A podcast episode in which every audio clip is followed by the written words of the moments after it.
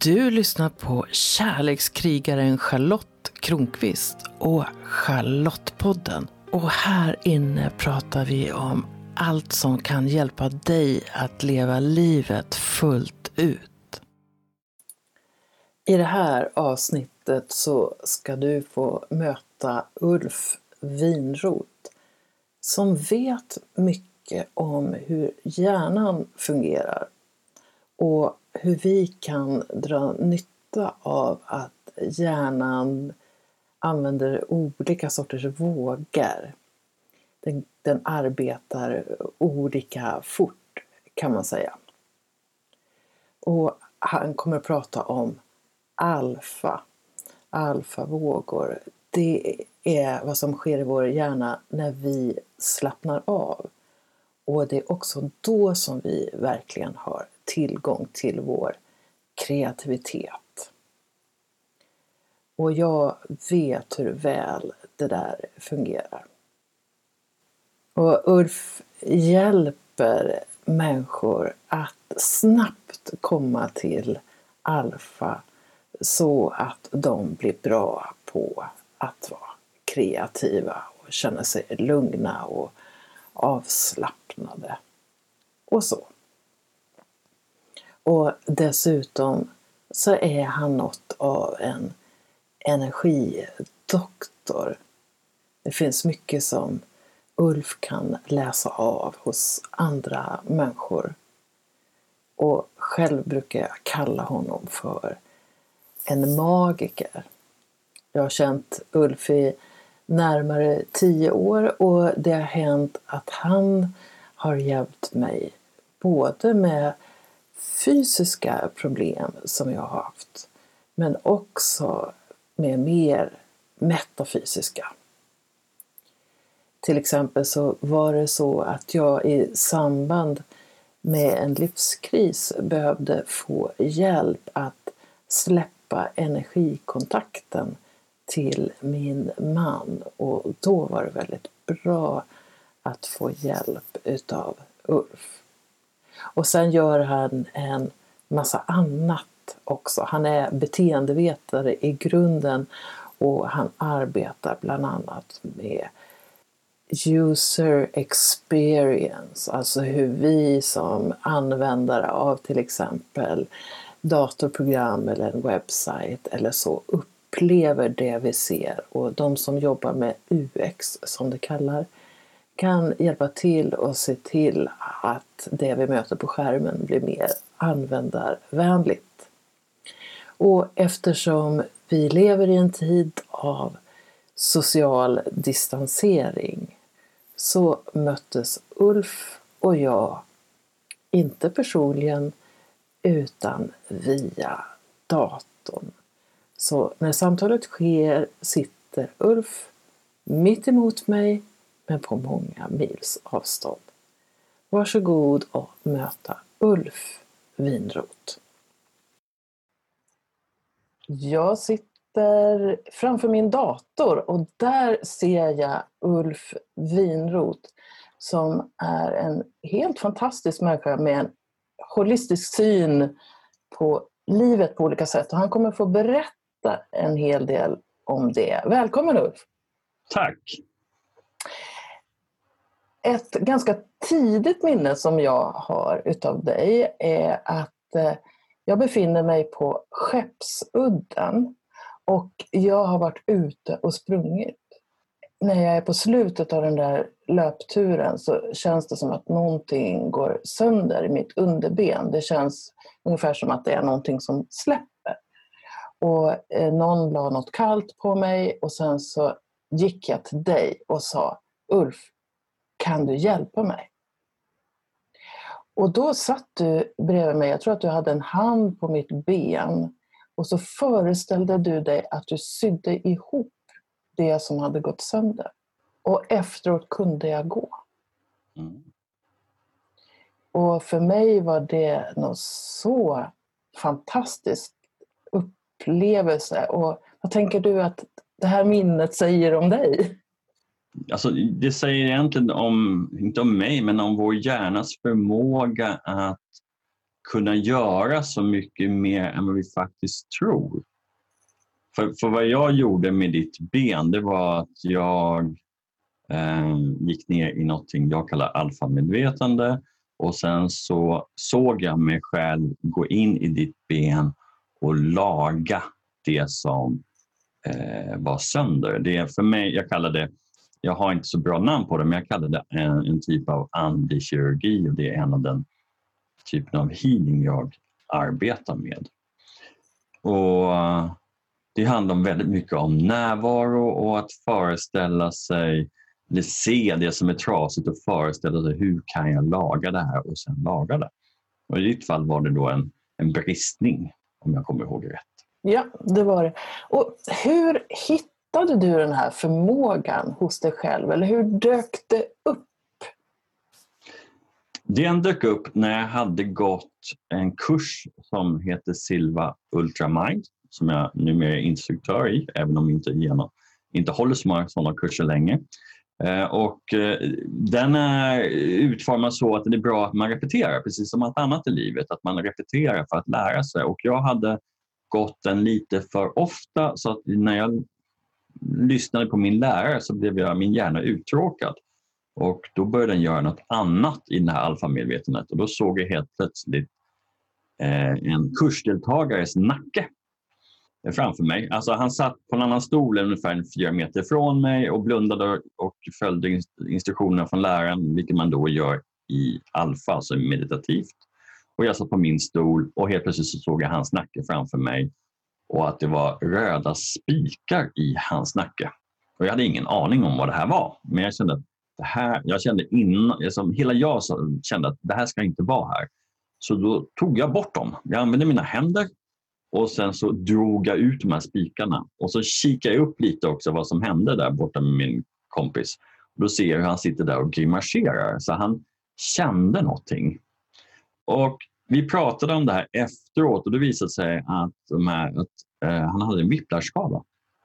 Så det jag såg, kom jag fram till, var hans smärta. Och eh, ja, egentligen, han var helt smärtfri i fem veckor efter de fem minuterna jag jobbade med honom under de här, det här äh, övningspasset. Och det var så jag kom in på liksom, att se hur, att jag kan se hans nacke, kunde se hans smärta som representerades av de här röda spikarna. Jag kunde ta bort dem och han blev smärtfri under en ganska lång period. Så kom jag in på det. Så det är som att du ser in i människors kroppar på något sätt? Mm. Eller utanför eller alltså våran, alltså egentligen så använder ju samma medvetandetillstånd som du använder när du dagdrömmer eller fantiserar eller hittar på någonting Eh, när du är lite avslappnad. Och då kan du styra vad du ser. Så jag kan liksom välja att se olika nivåer av en människa, alltså fysiskt eller energimässigt, deras aura, eh, blockeringar inne i kroppen och jag ser olika färger vilket då representerar olika saker. Så smärta är rött. Eh, från ny smärta som är ljusröd till väldigt gammal smärta som är svart. Eh, svart är också en blockering och har du haft väldigt ont på ett ställe väldigt länge så, så får du oftast en blockering just där. Saker som har hänt i tidigare liv är ljusblå, diffust ljusblå jag har några grundfärger som jag jobbar med men det blir väldigt komplext om du tar in allting så jag förenklar precis som jag egentligen bara ser två auror fast jag vet att det är väldigt många fler men det är de jag behöver jobba med när jag rensar någon till exempel. Det låter lite som en mental doktor. Ja, fast energidoktor kanske. För det är oftast på energinivå jag jobbar även om jag kan jobba med smärta som är väldigt fysiskt. Eh, till exempel om du har ett läkt diskbrock. Eh, du ska självklart gå till läkare när du är fysiskt skadad eller fysiskt sjuk först. Men, men eh, den vanliga sjukvården räcker bara så långt som den gör och sen så kan du, som om, om ett diskbrock läker så kan du fortfarande ha smärtan kvar och den smärtan är ju helt onödig ur ett fysiskt synvinkel. Smärtan är ju till för att tala om för dig att här är något fel hjälp kroppen att läka eller gör någonting som, alltså att okej, okay, här är något galet. Men, men om, om det fysiska är lagat, är läkt, så, så är smärtan onödig och då kan du ju plocka bort den. Helt enkelt. När du säger energidoktor så tänker mm. jag att det, att det eh, finns många som har ett vagt grepp om begreppet energi. Mm. Så vad representerar eller vad är energi för dig? Allting i vår värld består av energi i en eller annan form. Och alltså den fysiska, fysiska världen är, består av energi om man bryter ner allting längst ner. Då blir det atomer som hålls ihop av energi. Och atomerna i sin tur hålls ihop av energi olika saker, eller består av energi partiklar. Pratar vi känslor så är det ju också det är en annan typ av energi som påverkar hela dig. Alltså glädje är ju en energi som påverkar dig fysiskt. Lust är samma sak. Sorg och ilska, alla de är typer av känslomässig energi som kanske inte går att mäta förutom att du får eh, olika typer av, eh, om man mäter med värmekamera så ser man vilken typ av eh, känsla du har mest för att du ser vad värmen är i kroppen. Går man upp till en, vad vi kan kalla den andra sfären så, så, eh, så pratar vi också om energier som är, som är svåra att mäta. Eh, där, där olika typer av tillstånd, alltså man ska ha hög frekvens. Det är också en hög, alltså ha mycket glädje eller, eller tacksamhet eller allting som får dig att må bra ger dig en högre frekvens som också är en högre typ av energi. Så det, det, är lite olika beroende på vilken nivå vi pratar men, men, men energibegreppet täcker in alltihopa. Det är bara frågan hur du hanterar det och närmar det. Jag pratar ju mycket om energi eh, själv också. Jag brukar eh, säga när folk kommer på mina tantrakurser och så är de osäkra på vad energi är. Dels så brukar mm. jag låta dem eller låta oss börja med att dansa så att man ska känna att det rör sig i kroppen. Och också här att man gnuggar händerna mm. mot varandra och så blir det som ett motstånd. Mm. Det kan man också eh, kalla som energi för att det är många som tycker att det är ett flummigt begrepp. Och då vill jag ja. visa att energi kan vara oerhört konkret också. Mm. Men jag pratar inte om det på cellnivå på det sättet som, som du gör. Nej, men det är att du kan påverka cellerna ända ner. Så om jag, om jag greppar tag i dig så, så ger jag ju dig, liksom, då blir det en typ av energi för att jag håller fast dig till exempel. Men jag kan ju också ha handen ovanför dig och då känner du min värme och har jag då förmåga att skicka healing så blir det, en annan, blir det mer värme om förenklat. Och det här där du beskriver att man kan liksom gnugga händerna så friktionen blir värme och sen så kan du liksom föreställa dig energiboll med dina händer. Då kommer du känna den. Och Den kan du förstärka genom att du visualiserar den här bollen med dina händer och då kommer du känna den ännu mer. Så det är ett sätt att påverka den, din upplevelse av energin om inte annat.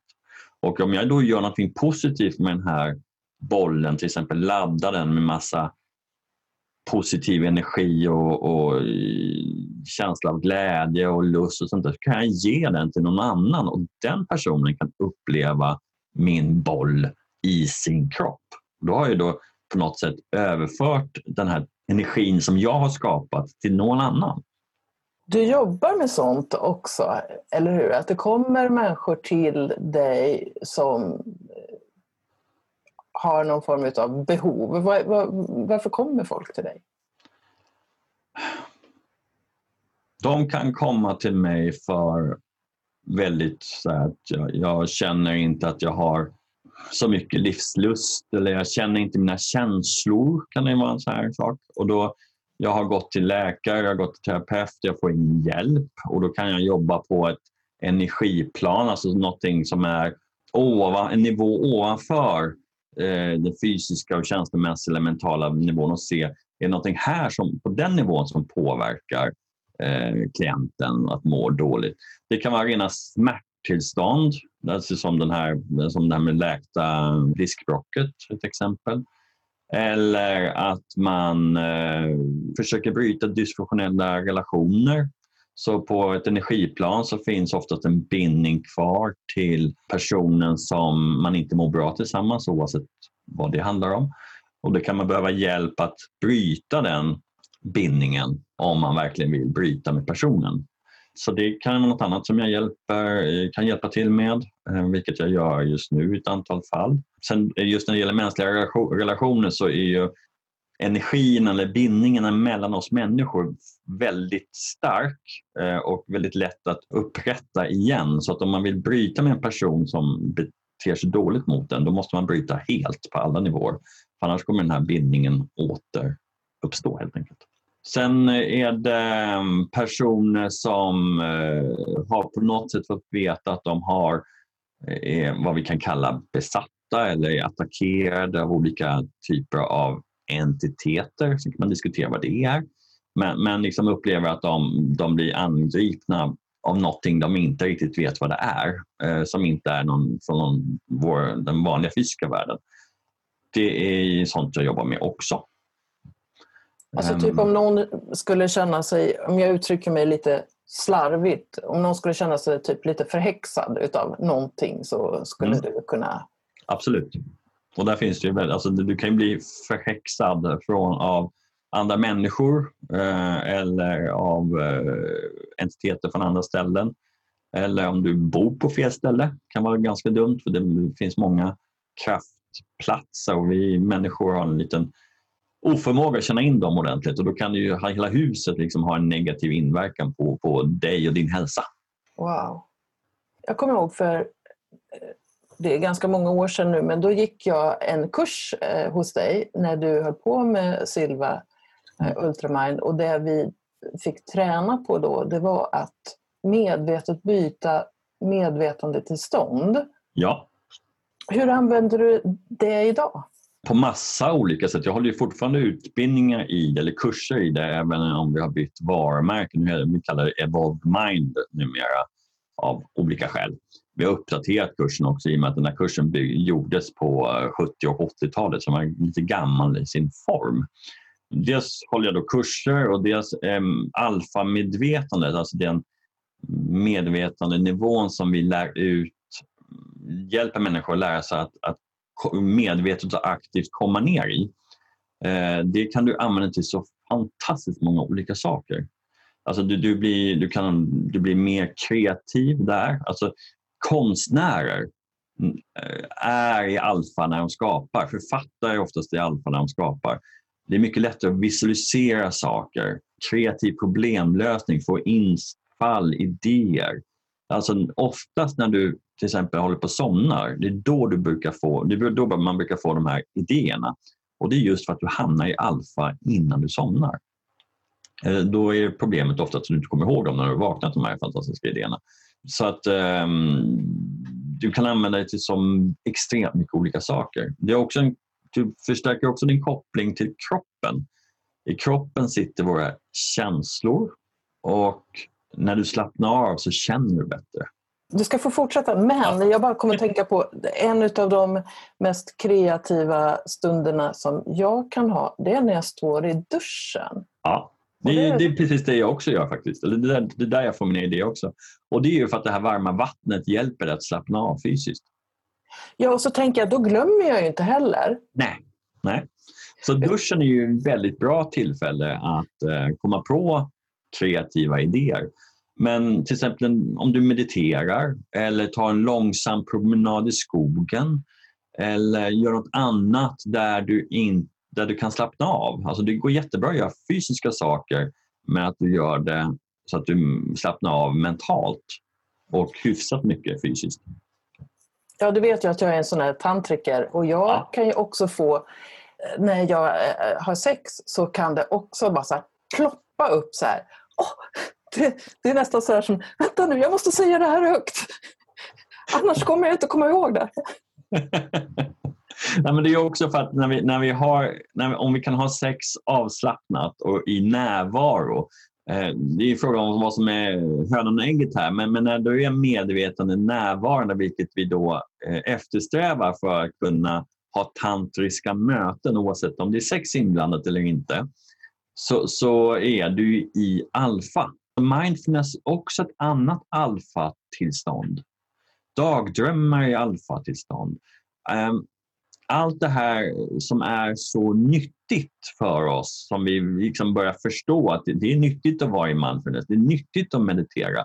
Det, allihopa de är alfatillstånd. För vi västerlänningar, vi är så tränade på att vara i den nivån ovanför, det vardagstänkandet, så alltså beta, där, där, vi, där vi pratar med varandra och liksom är eh, logiskt tänkande och väldigt närvarande i, i, i, tid och rum. Vi vet var vi är och vad klockan är. Typ.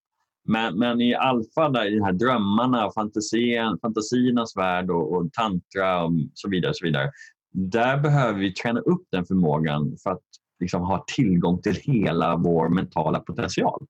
Det är då vi också börjar känna saker, för då släpper vi huvudet. Vi är i kroppen. Vi bryter stress. Vi, vi får tillgång till vår intuition. Det finns hur mycket fördel som helst att lära sig att vara i alfa. Kan du ge en liten hint om hur man försätter sig där? Alltså kan man göra det på ett medvetet sätt? Det är klart att alltså jag är ju van att meditera och jag har gjort mm. det i många, många år och då tror jag att jag automatiskt kommer dit för att jag är så van. Mm, men, absolut. men eh, för den som inte har varit medveten om, om att det här finns, finns det någon så här... Du säger ju att du kan känna det eh, när du dagdrömmer, men för mig är dagdröm inte någonting jag slår på. Nej, Nej men eh, till att börja med så är alfa ett he alltså helt naturligt tillstånd. Din kropp och du är där massa gånger på dagen Eh, under dygnet om du inte är väldigt stressad för då, då kan du tappa den eh, alfan. Men så fort du slappnar av fysiskt och mentalt så kommer du till alfa. Vad vi tränar ut via en typ av suggestion, alltså självhypnos egentligen, det är att komma dit när du själv vill och med träning kan du komma dit på en utandning. Alltså på två, en till två sekunder. Mm. Eh, alltså du medvetet och aktivt väljer att gå ner i alfa. Din kropp är helt van att vara där. Du är där jättemycket på dagarna. Men, men du, du har inte den här medvetenheten om att välja det. Så jag minns ju att du uttryckte ju själv eh, att du, Charlotte, att du använder väldigt mycket här teknikerna för att kunna somna varje kväll. Mm. Mm. Det var liksom den, den, stora värdet du såg direkt efter kursen. Att nu kan jag somna när jag själv vill. För du kan försätta dig själv i alfa. Och det, när man då ska sova så är ju alfa ingångsporten till sömnen som kommer i teta, vilket är nivån under, och i djupsömnen i delta som är ännu eh, under. Och vi pratar egentligen om hjärnfrekvenser, alltså hur fort vår hjärna går. Så att om man vill vara i alfa så gör man någonting för att slappna av. Helt enkelt. Det är inte svårare än så egentligen. Och det är bara att sen kan man öva upp att göra det fortare och du kan öva upp att göra det medvetet. Och det är sånt som vi lär ut. I Evolved Mind? I Evolved Mind, ja. Och då kan man använda det här tillståndet också för till exempel eh, kanske brainstorming eller? Brainstorming, eh, lär dig laga mat, lär dig skriva. Eh, jag använder för att hitta parkeringsplatser innan jag kommer fram. Jag känner av hur långt bort och vilken riktning närmaste parkeringsplats är. Väldigt bra i Stockholm. Det låter helt utflummat, jag vet, men, men, men med träning nu så är jag uppe i ungefär 80 chans att faktiskt ha rätt när det gäller just den lilla detaljen. Möjligheterna är egentligen bara vad din fantasi sätter för begränsningar. En del av det här känns ju som magi. Och ja. ibland så kallar jag dig för magiker. Mm. Och dels vad tycker du om den benämningen och om du resonerar lite kring magiker, magi? Vad jag gör är att jag arbetar med energier på olika nivåer. Och det finns ingen bra benämning på det. Visst, jag kallar mig själv healer, för jag jobbar med healing eh, och jag kallar att jag jobbar med andlig kirurgi och det är faktiskt det bästa namn jag har hittat och det är mycket det jag gör, jag tar bort saker. Sen finns det saker som till exempel vicka som handlar om eh, en typ av magi och det finns shamanism i många olika former. Men jag är helt oskolad eh, jag har lärt mig, jag har tagit upp tekniker, jag har upplevt själv, jag har eh, jobbat med medium, jag har jobbat med shamaner, jag har jobbat med eh, healers av olika slag. Och, så att magi, eh, i, inte i den här eh, trollkarlen med hatt-versionen utan magi i form av att arbeta med energier är det närmaste jag har hittat av det jag gör. Och därför kallar jag mig själv ibland magiker eller energiarbetare. Men energiarbetare säger inte heller så mycket vad jag gör. Så, att, så att det är ganska magiker närmast jag kommer. Så att det är väl det jag kallar mig själv också egentligen. Jag brukar säga att min värld blir mer och mer magisk. Mm. Och då menar jag till exempel att det uppstår fler och fler tillfällen där det känns som att det uppstår en synkronicitet. Mm. Jag möter de personer jag behöver eller det dyker upp saker när de ska eller jag tänker någonting och så säger den andra det jag tänker. Det kanske inte riktigt synkroniserat men att det kommer mer och mer sådär att det blir som ett wow kring tillvaron. Och jag kan också fyllas av någon slags förundran. Mm. Och för mig är det som att egentligen finns allt det här. Det är bara det att vi har blivit eh, Hmm, vilket ord ska jag säga? Förblindade var ett ord jag tänkte. Men det kändes som att vi har liksom som ett lager runt oss så att vi inte riktigt har tillgång till, till att se de här sakerna. Och så bara lyfter man lite så börjar man se wow, hur allting hör ihop. Jag tror ett viktigt ord i det här sammanhanget är närvaro. För att om vi tittar på vårt västerländska samhälle så, så har vi gått väldigt mycket i en, i en beta-riktning om man går tillbaka till hjärnfrekvensen. Alltså huvudet, logiskt tänkande, positivismen, eh, naturvetenskaplig, undersöka fysiskt, oavsett om fysiskt då handlar om mikroskop eller, eller jättestora grejer eller rymden eller något sånt där. Eh, vi har blivit väldigt vana att, att liksom leva i våra huvuden. Och då är vi inte närvarande i, i oss själva, i våra kroppar eller i våra känslor.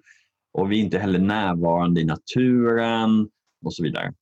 Så att när, när vi tränar på att vara närvarande på sättet som du har tränat i, i tantra så får vi en mycket mer kontakt med allting som sker omkring oss det som är då synkronisering. Och det, alltså det, de exemplen du hade är typiska så att jag tänker på något som någon annan säger. Och, och in, jag är gestaltpraktiker också. Då brukar vi säga att, att om någon tänker någonting i gruppen, om vi är en grupp som jobbar med någonting, som jag tänker det, då finns det i gruppen. Då är det ett ämne som gruppen behöver hantera om jag känner någonting. Så, så att vi är väldigt ihopkopplade Alltså både vi människa till människa på många olika sätt men också vi människor till naturen eh, och vår jord och allt så. Eh, det är därför jag tror, eh, jag känner enorm press just nu. Vi, vi är då i maj 2020, coronakrisen är utanför fönstret överallt. Och många med mig känner ju väldigt mycket rädsla och mycket press, oro som inte är vår egen utan det är liksom hela mänskliga rasens oro i, i, i att vi är eh, rädda för den här epidemin som pågår. Och eh, Det är liksom för mig ett bevis på att vi är så ihopkopplade som vi är. Oavsett om vi känner en människa eller inte så finns det alltid en koppling på något sätt. Och när, om vi då kan hjälpa oss själva att slappna av, bli mer närvarande, bli mer närvarande i naturen så, så kommer den här magin att bli starkare. Den här känslan av att vi hör ihop. Alltså en av de högsta upplevelser man kan ha är den här känslan av att jag är ett med allt. Jag är Gud. Och då är det, alltså det, det upplever en, ganska många människor under sitt liv vid något tillfälle. Och det är en enorm positiv känsla man får. Och då är det just vid tillfällen där jag faktiskt är väldigt närvarande med mig själv och världen. Och det finns så mycket som jag känner igen mig i, jag har haft många sådana här mm, ögonblick i mitt Mm. liv. Fast jag brukar, eh, jag kanske jag har svårt att säga jag är Gud, men jag kan säga jag är gudomlig. Eller jag är kärlek. Eller Ja. eh, eh, så. Ett av mina så starkaste minnen är faktiskt under en andningsövning där vi fick träna på att gå ner. Ofta när man gör så här eh, frigörande andning så, så strävar man efter att folk ska få ge utlopp för sina känslor. Kroppen ska röra sig och man ska skrika och så. Men nu fick vi i uppdrag att vi skulle härbärgera våra känslor, att hålla dem Mm. bygga energi i oss. Och sen fick vi i uppdrag att sänka andningstakten till hälften. Och sen till hälften igen. Så vi andades väldigt, väldigt långsamt. Och jag kände hur jag expanderade och till slut var jag typ allt. Och allt blev kärlek. Alltså det var, jag har till och med skrivit om det i en av mina böcker för att det var något så enormt. Och det enda jag gjorde det var att jag låg i typ en gymnastiksal och andades väldigt långsamt. Mm. Så det, det krävs ju inte att man tillför några droger eller någonting sånt utan vi har det i oss. Det tycker jag är så fascinerande. Mm. Mm. Och så en, en annan association bara och det var att ganska ofta så kan jag känna av eh, till exempel rädsla i ett rum. Mm. Och i början när jag började göra det så tänkte jag så här, varför är jag rädd? Eh, Alltså jag trodde att det var mitt. Och sen så har jag börjat lärt mig att, vänta nu, har jag anledning att vara rädd just nu? Nej, okej, det är antagligen inte mitt, utan det är rummets rädsla. Och du pratar om ja, hela jordens rädsla eh, e- egentligen. Ja, alltså det kan ju vara en persons rädsla. Alltså om, om vi tänker på att om vi har en person som inte är tränad på att hantera eller härbärgera eller att ta ansvar eller svara an på sina egna känslor. Då, är det, då vill man inte ha kvar dem. De är otäcka och hemska och skrämmande. Och då kan man antingen skicka ner med kroppen och inte andas. Och då känner de inte. Eller så kan du skicka ut dem i rummet omedvetet kanske. Och, eller oftast omedvetet. Och då kan en känslig person som du plocka upp dem. Det är också en form av energi och energi, energiarbete eh, egentligen. Eh, och då gäller det ju att, att du som är känslig att ta upp de här och gör precis som du, som du beskriver. Att göra dig medveten om, är, är det här min känsla? Nej. Det är en annan känsla. Eller så, det kan ju också vara rummet. Om det har hänt något väldigt, väldigt eh, traumatiskt i rummet eller huset så kan ju den energin finnas kvar som en frekvens i väggarna. Och Då kan du ju plocka upp den också. Det kan ju vara rummet, som precis som du säger. Men det kan också vara att det är en person i rummet som är, mår dåligt eller är rädd. Jag tycker det är superspännande för det som jag oftast gör är att jag, jag kallar det för att jag andas igenom det. Mm. Så jag tillåter den här känslan att få känna sig mig eh, och så ja, andas jag igenom det och, och då brukar vad ska man säga, smärtan i mig lätta Mm. eh, efter ett tag. Och jag vet inte i vilken mån det arbete som jag gör påverkar det som är runt mig. Det är möjligt att mitt lugn kan mm, göra något. Troligtvis gör du ett ganska stort arbete för den andra personen, om det är den person det kommer ifrån. Eller från rummet. För att om du läker eller tillåter den här rädslan finnas och låter den få ett utlopp genom din andning så, så, hjälp, så är du, du, gör du ett arbete helt enkelt. Ett väldigt generöst arbete. Mm, vad spännande! För jag, det, det var nyligen på, på Facebook så, var det, så ställde jag en fråga om att härbärgera känslor. Mm. Och, och då eh, så sa jag på något ställe så att ja, men jag andas igenom det. Och då var det någon som fnös lite grann. Så här, ja, vi andas ju hela tiden. Vad är det där för snack? Och, och då tänkte jag att den personen har ju inte varit i kontakt med det här. Och, och så, om, om någon hade sagt till mig för 20-25 år sedan, andas igenom det, då hade jag inte förstått vad det var. Så det är ju som en process också mm. att um, tillåta eh, sig själv att se där. Och... Mm. Men du, du kan ju tänka dig känslor, alltså om vi tar lite som, eh, jobbiga känslor som ilska och sorg, rädsla, ångest. Eh, alla de typerna av energi om vi inte kan få utlopp för dem. Alltså det bästa sättet att, att uh, få utlopp för sorg är ju att sörja. Vilket vi är extremt dåliga i, i västvärlden, eller i Sverige åtminstone. Sorg är inte så accepterat att göra. Men det går ju faktiskt att sörja då får man ju utlopp för den känslan.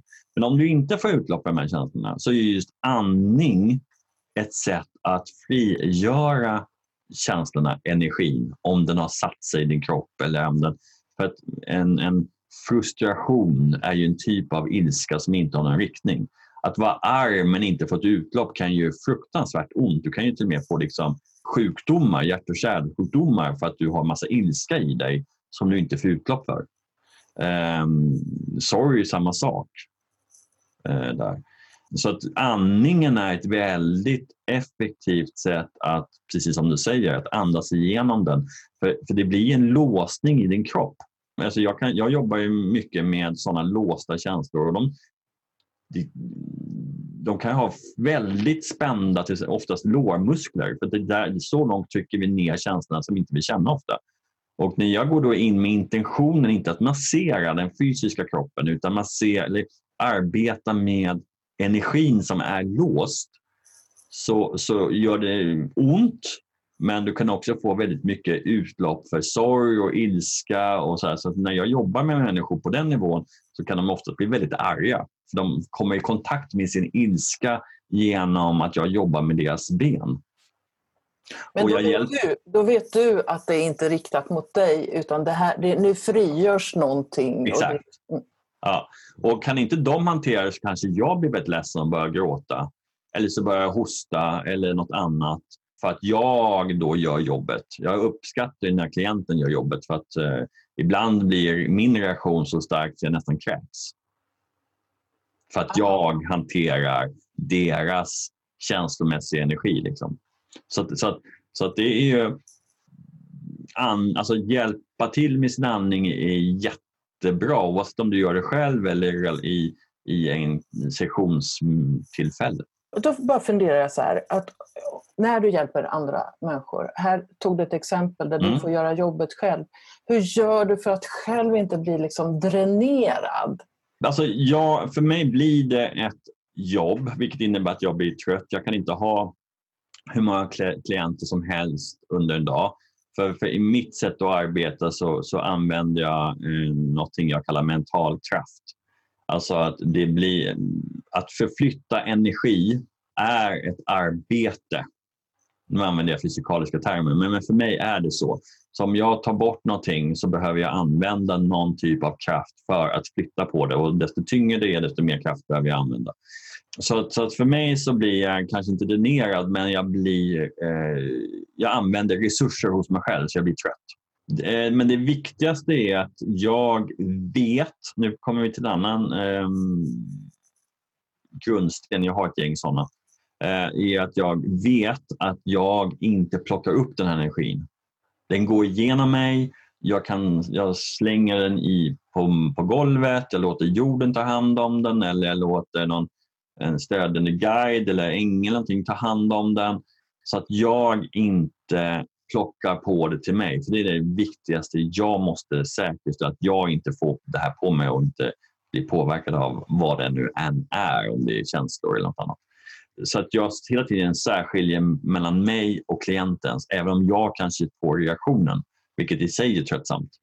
Att nästan kräkas eller hosta eller vad jag nu gör. Men, men det är en del av jobbet som jag ser det och jag vet att andra eh, healers som jobbar på liknande sätt som jag har samma upplevelser och samma typ av reaktioner. Även om de kanske har ett annat fysiskt uttryck. Jag hostar och en annan rapar. Sådär. Vad spännande. Ja. Någon kanske gäspar? Ja, absolut. Gäspar, eh, hosta, ny, inte nysningar, men äh, rapningar och släppa väder. Det, ja, det finns många olika spännande kroppsreaktioner man kan få i det här arbetet. Hur ser du på att du har de här förmågorna? Det är svårt att ställa en bra fråga. Jag menar, eh, eh, eh, kom du till det här livet för att du skulle hålla på med det här? Alltså ser du det som att du har en, en uppgift eller en mission eller någonting sånt? Jag har fått det sagt till mig en massa gånger och det finns många människor som, eller många, många, men, men rätt många som liksom säger att du har en stor uppgift och jag har liksom hört till, till och med liksom att du ska rädda världen. Och det där har jag extremt svårt att ta till mig. Men jag ser att det jag kan göra är till stor hjälp för många individer. Jag kan göra saker som är stor hjälp för vår planet, i alla fall lokalt. Om jag rensar en naturplats som är smutsig, till exempel vid många av våra kyrkor. Ehm, de är oftast byggda på kraftplatser. Så det finns ju mycket uppgifter jag kan ta till mig och jag kan göra och, och det är någonting som är väldigt roligt och givande att göra. Det finns nackdelar också. Jag upplever att jag är lite hårdare. Alltså, om du jobbar med trauma, du jobbar med mycket smärta, du jobbar med eh, mörka entiteter som inte alls är snälla och så är det lite lätt att tappa den här kärleken och ljuset och det mjuka och det öppna hjärtat och sådana saker som är viktigt för många. Eh, jag, tyck, alltså jag är mm, liksom vassare och ja, jag hittar inget bättre ord än, ord än hårdare just nu i de aspekterna. Och det kanske är en förlust från min sida. Men, men, men det är en del av, av den uppgiften jag har tagit på mig just nu. Sen de här profetiorna eller whatever de uh, medium har sagt till mig. Det, jag, har, jag har väldigt svårt att ställa mig själv i relation till det med, i och med att jag känner till alla mina brister och svårigheter och rädslor och allt annat som jag har naturligtvis.